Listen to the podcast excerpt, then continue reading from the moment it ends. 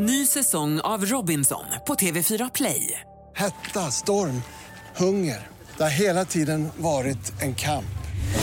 Nu är det blod och tårar. Fan händer just nu. Det. är Detta är inte okej. Robinson 2024, nu fucking kör vi! Streama söndag på TV4 Play. Podplay. Du vet väl om att du kan lyssna på avsnitten av Fallen jag aldrig glömmer en dag före alla andra. Redan på torsdagar kan du lyssna på podden på podplay.se eller i appen Podplay. Och naturligtvis är det gratis. Det första jag ser utav honom så tänkte jag, nej det kan inte vara han. Han såg så himla vänlig och snäll ut. Och, och det är det här som jag har lärt mina arbetskamrater att det är inte som man tycker och tror utan det kan vara precis tvärtom. Ja, man blev ju nästan, alltså, jag har aldrig varit med om det här förut för det är nästan chockartat på det sätt som han har tänkt och just att mörda andra bara för att testa. Det, det, det är helt ofattbart. Det finns då en, en grupp som känner en aggression och ett hat mot kvinnor. Det som plågar mig idag det är ju att vi inte lyckades hitta hela kroppen. När jag såg hennes eh, skador så hade jag bildat mig en uppfattning om att det här måste vara en riktig varulv som gjort det här. Är man desperat och inte vill åka dit så de är nog beredda att gå ganska långt. Fallen jag aldrig glömmer. Podden som inte handlar om förövarna, som inte handlar om brottsoffer, utan som handlar om de som gjorde sitt jobb och löste brottet. Sveriges första incel.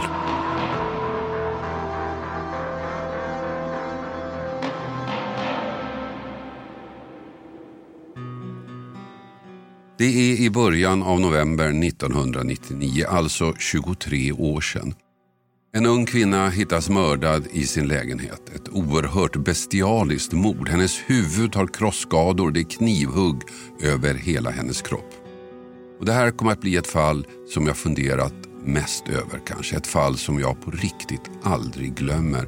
Inte bara för det brutala och omänskliga sättet att döda en människa på utan också för att i det här fallet fick polisen en inblick i exakt hur mördaren tänkte.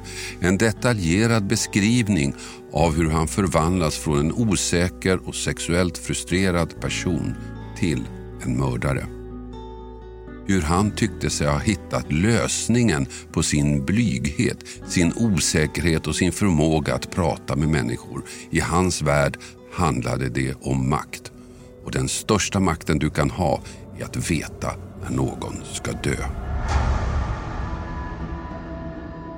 Så det här avsnittet kommer att handla om utredningen förstås, om hur polisen löste fallet, men också för en gångs skull om förövaren själv. Han gav nämligen utredarna och oss en fullständig bild av hur hans hjärna fungerade. Hur han hittade en kraft starkare än droger Fredagen den 12 november 1999 kommer inte Maria K till sitt jobb. Hennes arbetskamrater försöker nå henne utan resultat. De tar kontakt med Marias föräldrar och hennes pappa åker hem till henne, öppnar dörren och möts av en syn som fullständigt slår sönder honom. I hallen ligger hans 24-åriga dotter död, badandes i sitt eget blod. Polisen tillkallas och det görs en teknisk undersökning på platsen. Man hittar mängder av blod i hennes säng. Blod på golvet i sovrummet och i hallen. Blod på dörrhandtaget och till och med blod i trappuppgången. Ett troligt scenario tycks vara att Maria K blivit attackerad i sängen men lyckats ta sig upp, springa ut i hallen, öppna dörren och sen ut i trappuppgången. Och där verkar det som om mördaren hunnit ifatt henne och släpat in henne i lägenheten igen där han slutligen tar hennes liv på hallgolvet. En otroligt våldsam gärning, alltså en gärning präglad av mycket starka känslor. Och det här fallet har som sagt följt mig genom nästan hela min karriär. För några år sedan intervjuade jag Peter Ståhl som var den som fick ta hand om utredningen. Vi visste ju för det första inte vem som skulle ha gjort det här. Och när jag, när jag såg hennes eh, skador så hade jag bildat mig en uppfattning om att det här måste vara en riktig varulv som har gjort det här. Vi hade ju inte en susning. En varulv måste ha gjort det här, var alltså Peter Ståhls tanke när han fick se den döda kvinnan. Och en sak var tydligt. Skadorna talade sitt bestämda språk. Den som dödat Maria drevs av ilska, rejäl ilska på gränsen till hat och tagit ut den här frustrationen med kniv. Så med all sannolikhet kände Maria den som dödade henne. Därför började Ståhl och hans kollegor med dem i den närmaste cirkeln runt henne, familj och pojkvän. Familjen hade ingen aning vem som kunde hata Maria så mycket och pojkvännen, som naturligtvis normalt ligger högst upp på polisens lista över möjliga gärningsmän, var bortrest de här dagarna och hade alltså ett solitt alibi. Så nästa cirkel att undersöka var kompisar. Ingen av dem ansågs som misstänkt, men en av dem kom med en intressant detalj. Genom de här förhören och framförallt väninnan så hade de pratat om den här Johan. Han hade ju skrivit brev till, till Maria då. Ja. Men hon sa att det, det är ju en tönt. Han kan inte ha gjort det här. Och där kom det alltså. Namn på en person som polisen inte kände till. Johan L. En 27-årig kille som jobbade på samma företag som Maria K. Polisen ringde Johan L och frågade om han kunde komma upp och prata med dem. Då hade det gått två veckor sedan mordet, ett faktum som senare skulle visa sig vara centralt. Peter Ståhl är den som ska höra Johan L. Och då när han kommer in där och jag sitter och väntar på honom, en kollega var och hämtar honom i receptionen och det första jag ser utav honom så tänkte jag, nej, det kan inte vara han. Han såg så himla vänlig och snäll ut och, eh, och det är det här som jag har lärt mina arbetskamrater att det är inte som man tycker och tror utan det kan vara precis tvärtom. Mm. Eh, men i alla fall, han går in där som sagt och eh, sätter sig och har handskar på händerna, tar bara av den ena handsken. Och vi sitter och pratar om det här. Och han ljög på en punkt kan jag säga. Annars, han tyckte om Maria, en, en bra arbetskamrat. Och eh, ja, så det var inga konstigheter. Och när vi frågade honom, har du varit hemma eller vet du var hon bor någonstans? Nej, han visste inte var Helena bodde. Okej, okay. så ville vi ta hans fingeravtryck. För i lägenheten hade man hittat ett avlöningspapper från hennes företag ett blodigt handavtryck. Och vi hade kört det där i polisens stordator då och inte fått någon träff på det. Eh, och så fick polisen några stycken, pappan också lämna avtryck bara för att vi skulle, det är gjort, det var ju så jäkla mycket blod där inne. Men då sa han, nej jag vill inte lämna då avtryck. Eh, nej, varför då? Nej, jag vill inte bli registrerad, säger han. Jag förklarar, det är, det är liksom, vi kommer att kasta det där sen när det är färdigt. Nej, han ville inte lämna det i alla fall. Och med det vi hade liksom inga tvångsåtgärder. Han var inte misstänkt då, så vi, han fick gå hem. Och här skulle man kunna säga vänder hela utredningen. En person hörs bara upplysningsvis, helt utan misstankar. Men först ljuger han om att han inte visste var Maria bodde, för det gjorde han. Och när han sen vägrar lämna fingeravtryck, då ringer alla larmklockor. Så från en av många människor som hörs rutinmässigt får han en annan plats i utredningen. Han blir misstänkt. Och då finns det plötsligt en mängd åtgärder polisen kan ta till. Men då ringer vi till åklagaren, för han hade i alla fall ljugit. Och vi förklarar som det var och att han, han var intresserad av henne. Då. Och då säger hon, det är klart vi ska ta det här, så att ta in honom. Och eh, så hon beslöt om att de här avtrycken skulle tas. Mm. För det är så att alltså, ni får inte göra det utan om inte han misstänkt. Och ni nej. får inte ens ta av honom handsken nej, där nej, och då. Utan det måste, du måste åklagare besluta precis, om. Precis. Och då så ringer jag till honom igen och då sa vi har några kompletterande frågor, vi måste komma tillbaka. Så, ja, så han kommer ner igen. Och fortfarande med bägge händerna behandskade och, och ja, uh, han tar av sig den vänstra handsken. Man håller hela tiden. Ja. Och jag sitter och äter min matlåda så kommer kollegan upp och säger att han vill fortfarande inte lämna avtryck. Så då var jag färdig, så gick jag ner och så sitter Johan där, fortfarande med ena handsken på. Så sa det, nu är det så här att vi har fått beslut om att ta dina avtryck och det är upp till dig om det här kommer att göra ont eller inte, för vi kommer att ta dem.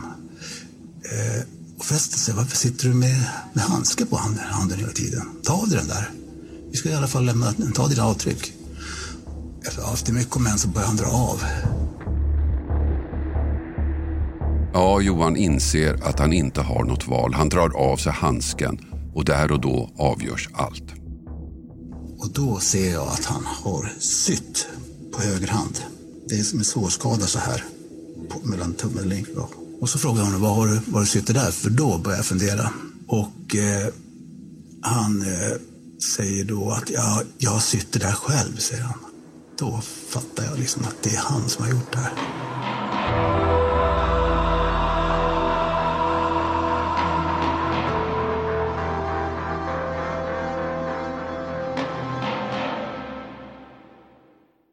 Den här veckan har vi ett betalt samarbete med Tre, ni vet teleoperatören. Den jag själv har faktiskt och är väldigt nöjd med. Men det är många som tror att Tre inte har särskilt hög täckningsgrad, vilket är fel. Och så är det ju faktiskt med mycket vi tror oss veta, att det vi tror är sant kan vara falskt och det vi tror är falskt kan visa sig vara sant. Jag hade faktiskt ett telefonsamtal med en kompis för inte så länge sedan, via tre då förstås, och vi snackade om myter. Och jag tycker mig ha koll på sånt, vad som är sant och vad som är falskt. Men det är inte alltid så lätt. Till exempel berättade min kompis, ni vet om myten att svalor flyger lägre när det ska bli dåligt väder. Falskt sa jag, men det visade sig vara helt sant. Och så det här att man, om man duschar varmt på sommaren så blir man svalare. Det trodde jag inte heller på, men det visade sig också vara sant. Så det blev lite en aha-upplevelse för mig. Men så pratar vi om vår gemensamma operatör. Ja, de har ju väldigt bra täckning, sa han. Och där visste jag att han har rätt. Han visste att tre har byggt ut och nu har väldigt stor täckning. Men det är inte alla som vet. Och ibland är det inte riktigt som man tror.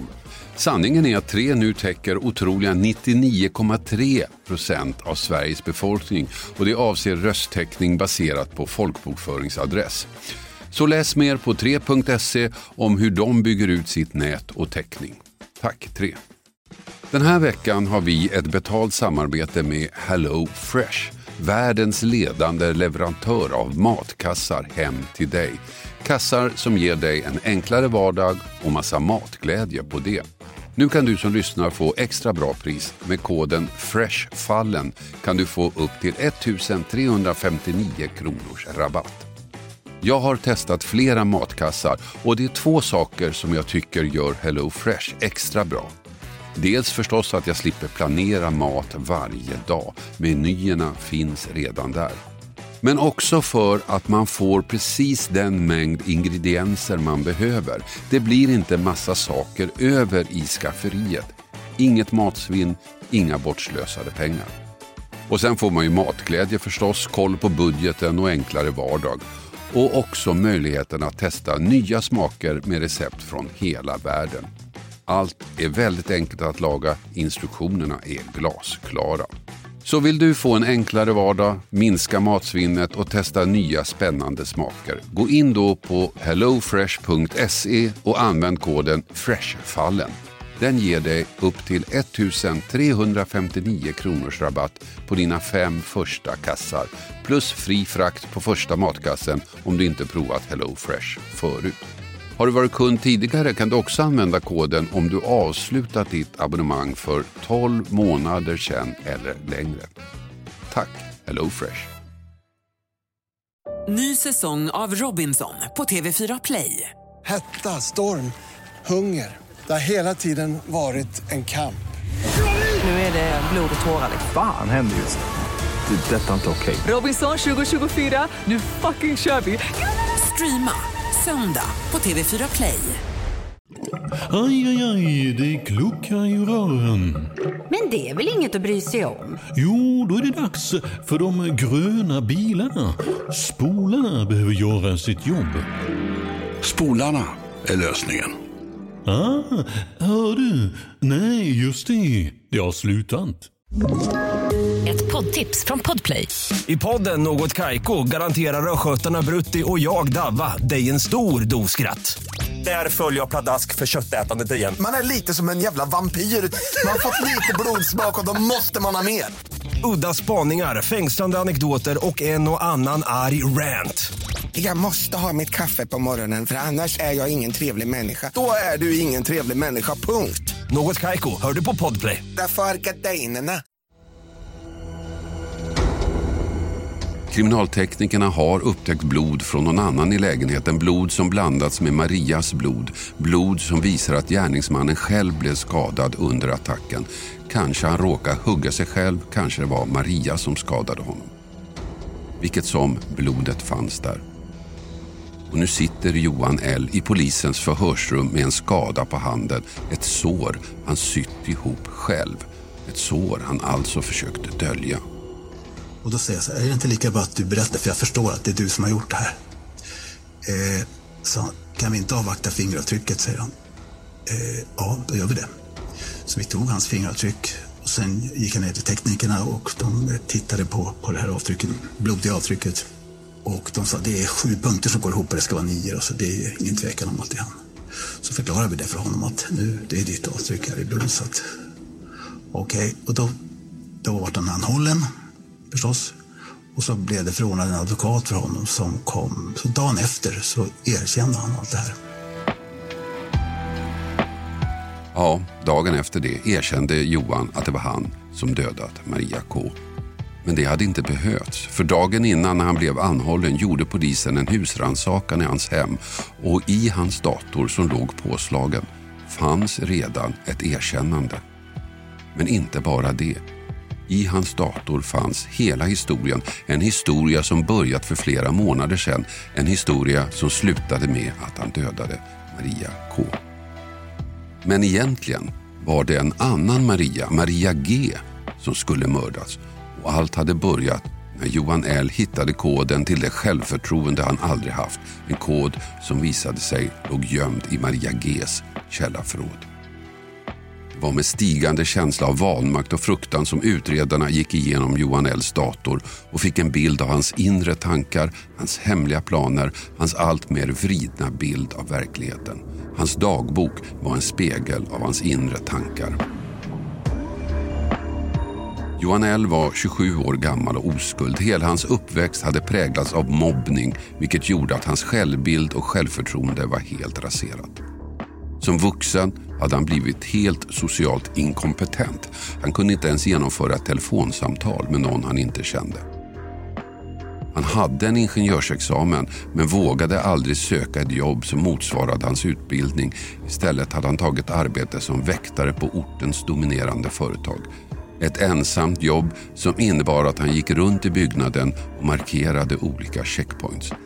Han hade inga arbetskamrater, åt lunch själv, åkte hem själv och var själv i sin lägenhet hela kvällen. Han umgicks inte med någon.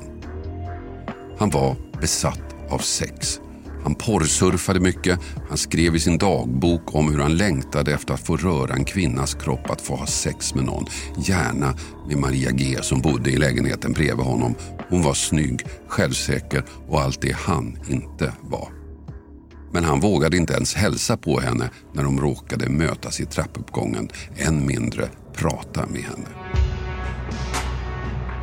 Men allting ändrades en dag i början av 1999. Johan upptäcker att dörren ner till källaren är öppen. Den verkar gått sönder på något sätt, för den går inte igen. Han smyger ner för trappan, ner till källaren där alla hyresgäster har varsitt förråd innanför stålnät och han ser att många av förrådsdörrarna är uppbrutna. Bland annat hans eget, men också grannens, Maria Gs. Han smyger in i hennes förråd och börjar snoka runt bland hennes saker som låg utslängda på golvet, bland annat hennes dagbok. Han tog med sig den upp och började läsa den och där hittar han något som gör honom röd av upphetsning. Hennes allra hemligaste beskrivning av första gången hon onanerade. En fantastisk berättelse, betydligt mer upphetsande än alla porrfilmer och nakenbilder han hade laddat ner på sin dator. Och nästa gång han träffar henne i trappuppgången hälsar han inte bara, han pratar dessutom lite med henne. Inte särskilt mycket, bara ett par ord, men ändå en helt ny sida av sig själv. Johan L pratar med en snygg tjej. Han förstår också vad som har hänt. Han vet nämligen något om henne. Han känner till hennes hemlighet och hon vet inte att han vet. Han har övertaget. Han har makten. Och den insikten blir början till en helt ny Johan. Inte så att han börjar prata med folk hur som helst, inte så att han blir en annan på jobbet. Men han vet en sak, den som känner till hemligheterna har övertaget. Men känslan höll inte. Han märkte att makten klingade av. Han behövde mer. Maria G bodde ju i lägenheten bredvid Johans. Deras balkonger gränsade till varandra så en varm aprildag 1999 såg han att hennes balkongdörr var öppen fast han visste att hon inte var hemma. Beslutet var snabbt och självklart. Han svingade över från sin balkong till hennes och gick in i lägenheten, snokade runt. Bingo! Han hittade nakenbilder på henne. Där stod han i hennes lägenhet och såg bilden på henne naken och kände självförtroendet återigen öka. Nu vågade han hälsa på henne igen, för det var inte den påklädda Maria han mötte. När han såg på henne var hon naken. Det tog inte lång tid innan han klättrade över igen. Och Den här gången tog han hennes reservnyckel som hängde i hallen, gick ner till en låsmed, kopierade den, gick in i hallen och hängde tillbaka den. Så nu hade han en egen nyckel till hennes bostad. Han hade obehindrad tillgång. Flera gånger den sommaren gick han in i lägenheten, rotade igenom hennes privata gömmor. Bit för bit byggde han upp en bild av henne. Och ju mer detaljerad bilden blev, desto större blev hans kontroll. Han visste vem hon träffade, han visste vem hon låg med, han visste hur hennes trosor såg ut och hur de luktade. Och hon hade ingen aning om detta. När de småpratade kunde han titta på henne och tänka, du skulle bara veta. Eller, är det de svarta trosorna du har på dig? Hans självförtroende fortsatte att växa. Men också hans ilska. Världen var så orättvis. Här fanns hon som kunde träffa killar, få sex, festa. Själv fick han ingenting. Så i takt med hans självförtroende växte också vreden hans behov av makt. Visst, det var bra att känna till människors hemligheter, att veta något om dem som de inte visste att han kände till. Men den ultimata kunskapen upptäckte Johan i att titta på någon och veta när den personen ska dö. För det är jag som ska döda dig. Och här börjar han bli besatt av makt, moral och den starkes rätt. Hans dagbok handlar mer och mer om vad som egentligen är det rätta, rättvisa eller styrka. 0,25 procent av människans tid har kristendomen styrt. 99,75 procent av människans tid har den starkes rätt gällt, skriver han bland annat i sin dagbok. Och hans fantasier blir allt mer specifika. Han ska våldta och döda en kvinna. Han vill se en riktig kvinna, se hennes kropp, sköte och bröst. Han begrundar också hur dödandet ska gå till. Det första offret är mest kritisk innan jag lär mig hantverket, skriver han. Nu vill jag inte vänta länge, skriver han också. Det är bara några år kvar till han blir 30. Han måste ha den här kvinnan, se henne naken, ta på hennes kropp, ha sex med henne och döda henne. Och han bestämmer sig. Det får bli Maria G. Hon som har allt han inte har. Vänner, kul jobb, killar, ett sexliv. Hon ska dö. Och det är ju ganska enkelt, det är bara att gå in i hennes lägenhet och göra det. Så han gör det. Han går in en kväll när hon är borta och sätter sig och väntar. Men det tar ganska lång tid. Ju längre han sitter där desto mer känner han hur modet sviker honom. Efter några timmar går han ut därifrån och hem till sig besviken. Frustrerad över att han trots allt började vekna. Några dagar senare ska han försöka igen. Han går in och nu har han bestämt sig. Det spelar ingen roll hur lång tid det tar. Han ska vänta till hon kommer och då ska han döda henne. Men hon kommer inte. Vad Johan inte vet är att hon har rest bort och det tar flera dagar innan hon återvänder hem igen. En resa som räddade hennes liv utan att hon själv visste om det. Och någonstans här avtar Johans intresse för Maria G. Varför framgår inte av hans dagboksanteckningar. Han slutar bara skriva om henne och att hon ska dö. Och dessutom flyttar hon ut ur huset där de båda bor, bort från dödshotet, in till en trygg tillvaro. Fast det vet hon ju inte själv.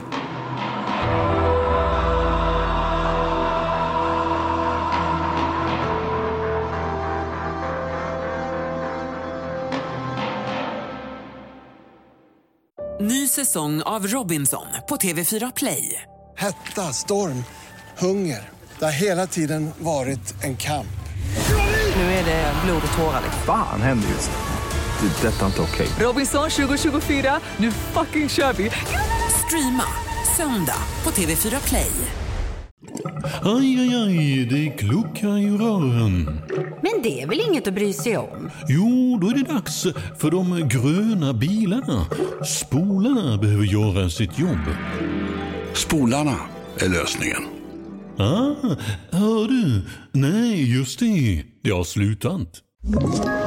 Ett poddtips från Podplay. I podden Något Kaiko garanterar östgötarna Brutti och jag, Davva, dig en stor dos skratt. Där följer jag pladask för köttätandet igen. Man är lite som en jävla vampyr. Man har fått lite blodsmak och då måste man ha mer. Udda spaningar, fängslande anekdoter och en och annan arg rant.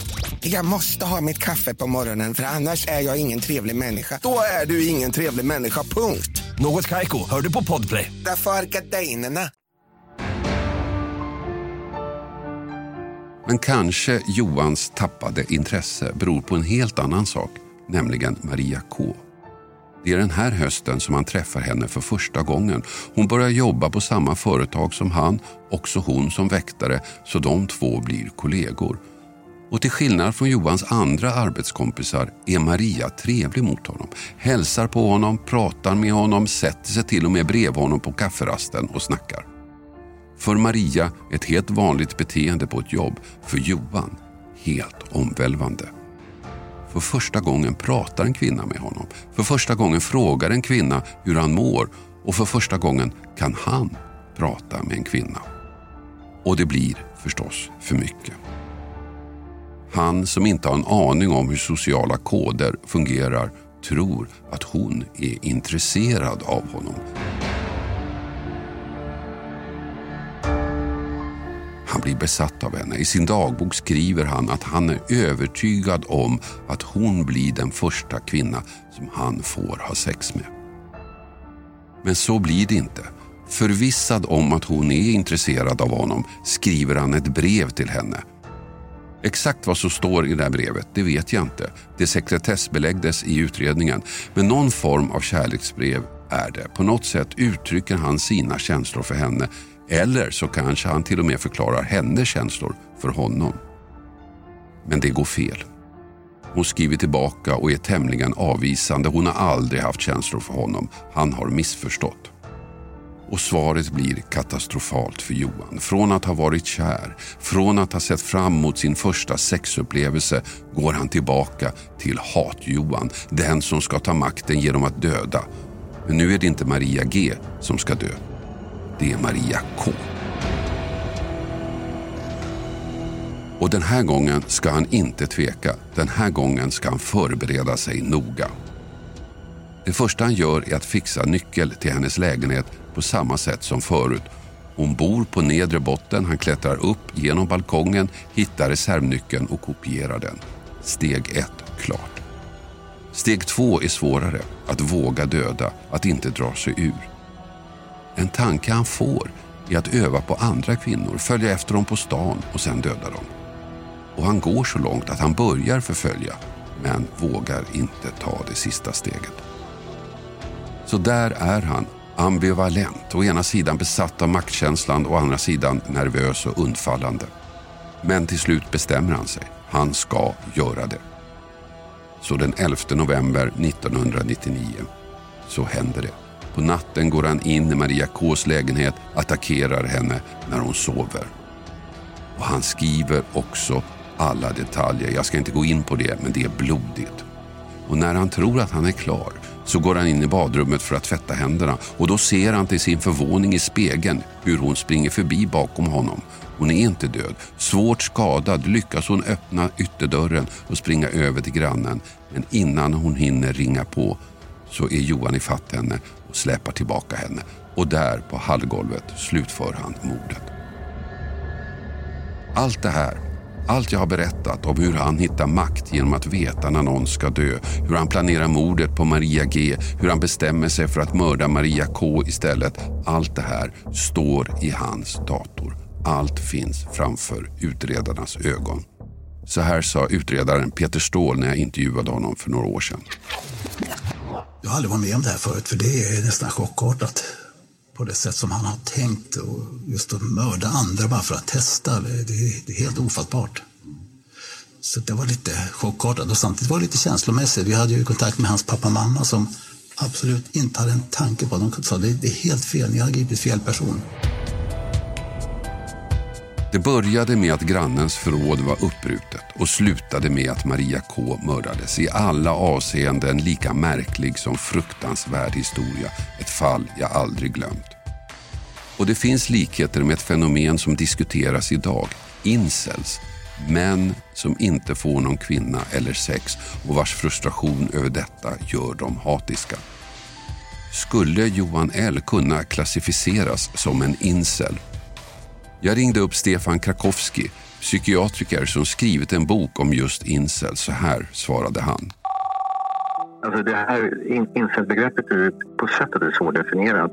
Ehm, och det, vi vet ju också att det finns en överrepresentation i den här gruppen av de som har neuropsykiatriska diagnoser och då är det framförallt Asperger.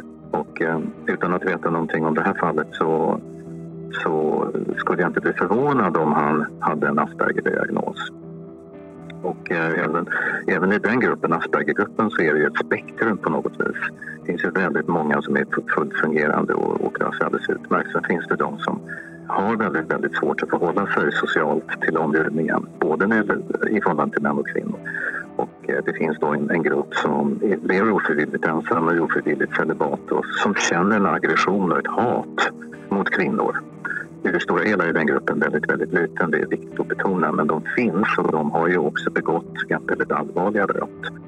När en incel då begår ett brott, alltså låter sin raseri resultera i ett brott, hur hur känner de det efteråt? Har de fått sin hämnd eller hur, hur tänker de på sitt eget brott? Det där är jätteintressant. Eh, det är en intressant fråga. Jag kan säga att de som har överlevt eh, ett, ett brott, så att säga, de känner väl... Eh, det kan vara en blandning av ånger i vissa fall, men i vissa fall är det också en, en lättnad och en känsla av att man har eh, gjort berätta. Det beror lite på hur så att säga, ideologiskt motiverad man, man, man är egentligen. Eh, ser du till, om vi till exempel tar ett av de mest kända fallen, en kanadensisk kille som heter Alec Minassian, kanadensare som, som körde ihjäl 10-12 personer i Toronto på en gågata.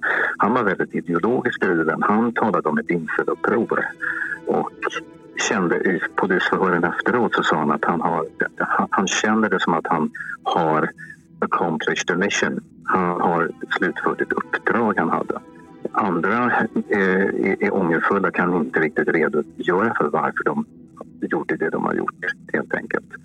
Så det är lite olika det där egentligen. Och det har väl också att göra med i vilken mån man... Eh, det förekommer en, en psykisk störning, allvarlig psykisk störning och på något vis vilka ideologiska motiv man kan ha. Nu är den här Johan L, han är 50 år idag. Det här var ju 22 år sedan det här inträffade. Mm. Finns det någon som helst forskning på vad som händer med, med den här typen av människor när de blir äldre? Inte vad jag vet faktiskt.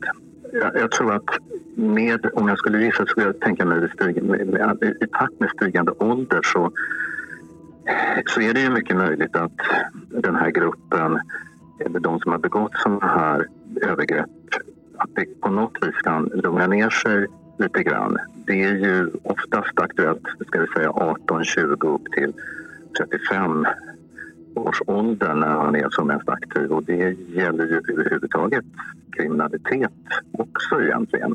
Men någon forskning finns inte och när det gäller specifikt incelgruppen så vet vi fortfarande relativt lite det var därför jag beslutade mig för att kommunicera med dem direkt och träffa dem direkt och göra de här djupintervjuerna som resulterade i den här boken.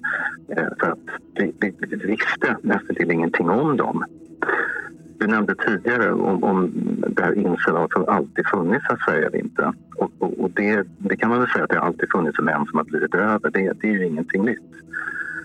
Men det är, brukar jag säga, de här två faktorerna som, som spelar in. Två faktorer. Och det ena är naturligtvis jämställdheten, att, att kvinnorna jämfört med tidigare kan leva helt självständiga liv. Det andra är naturligtvis internet, att de här männen som så att säga inte kan hitta, som lever i ofrivillig celibat, att de kan kommunicera med varandra på gott och ont. Väldigt mycket på ont skulle jag säga som utvecklingen har, har eh, sett ut. Stefan Krakowski, alltså om incels.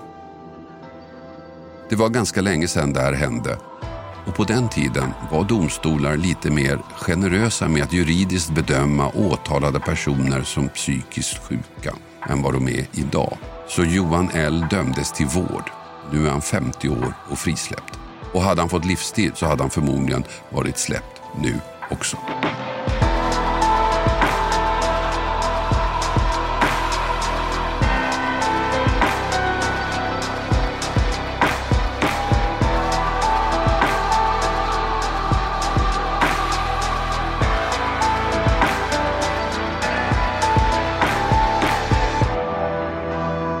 Podden Fallen jag aldrig glömmer. Klippning David Davva Persson. Och jag heter Hasse Aro. Du vet väl om att du kan lyssna på avsnitten av Fallen jag aldrig glömmer en dag före alla andra. Redan på torsdagar kan du lyssna på podden på podplay.se eller i appen Podplay. Och naturligtvis är det gratis. Podplay, en del av Ny säsong av Robinson på TV4 Play. Hetta, storm, hunger. Det har hela tiden varit en kamp. Nu är det blod och tårar. Fan händer just det. Det är detta inte okej. Robinson 2024, nu fucking kör vi! Streama söndag på TV4 Play.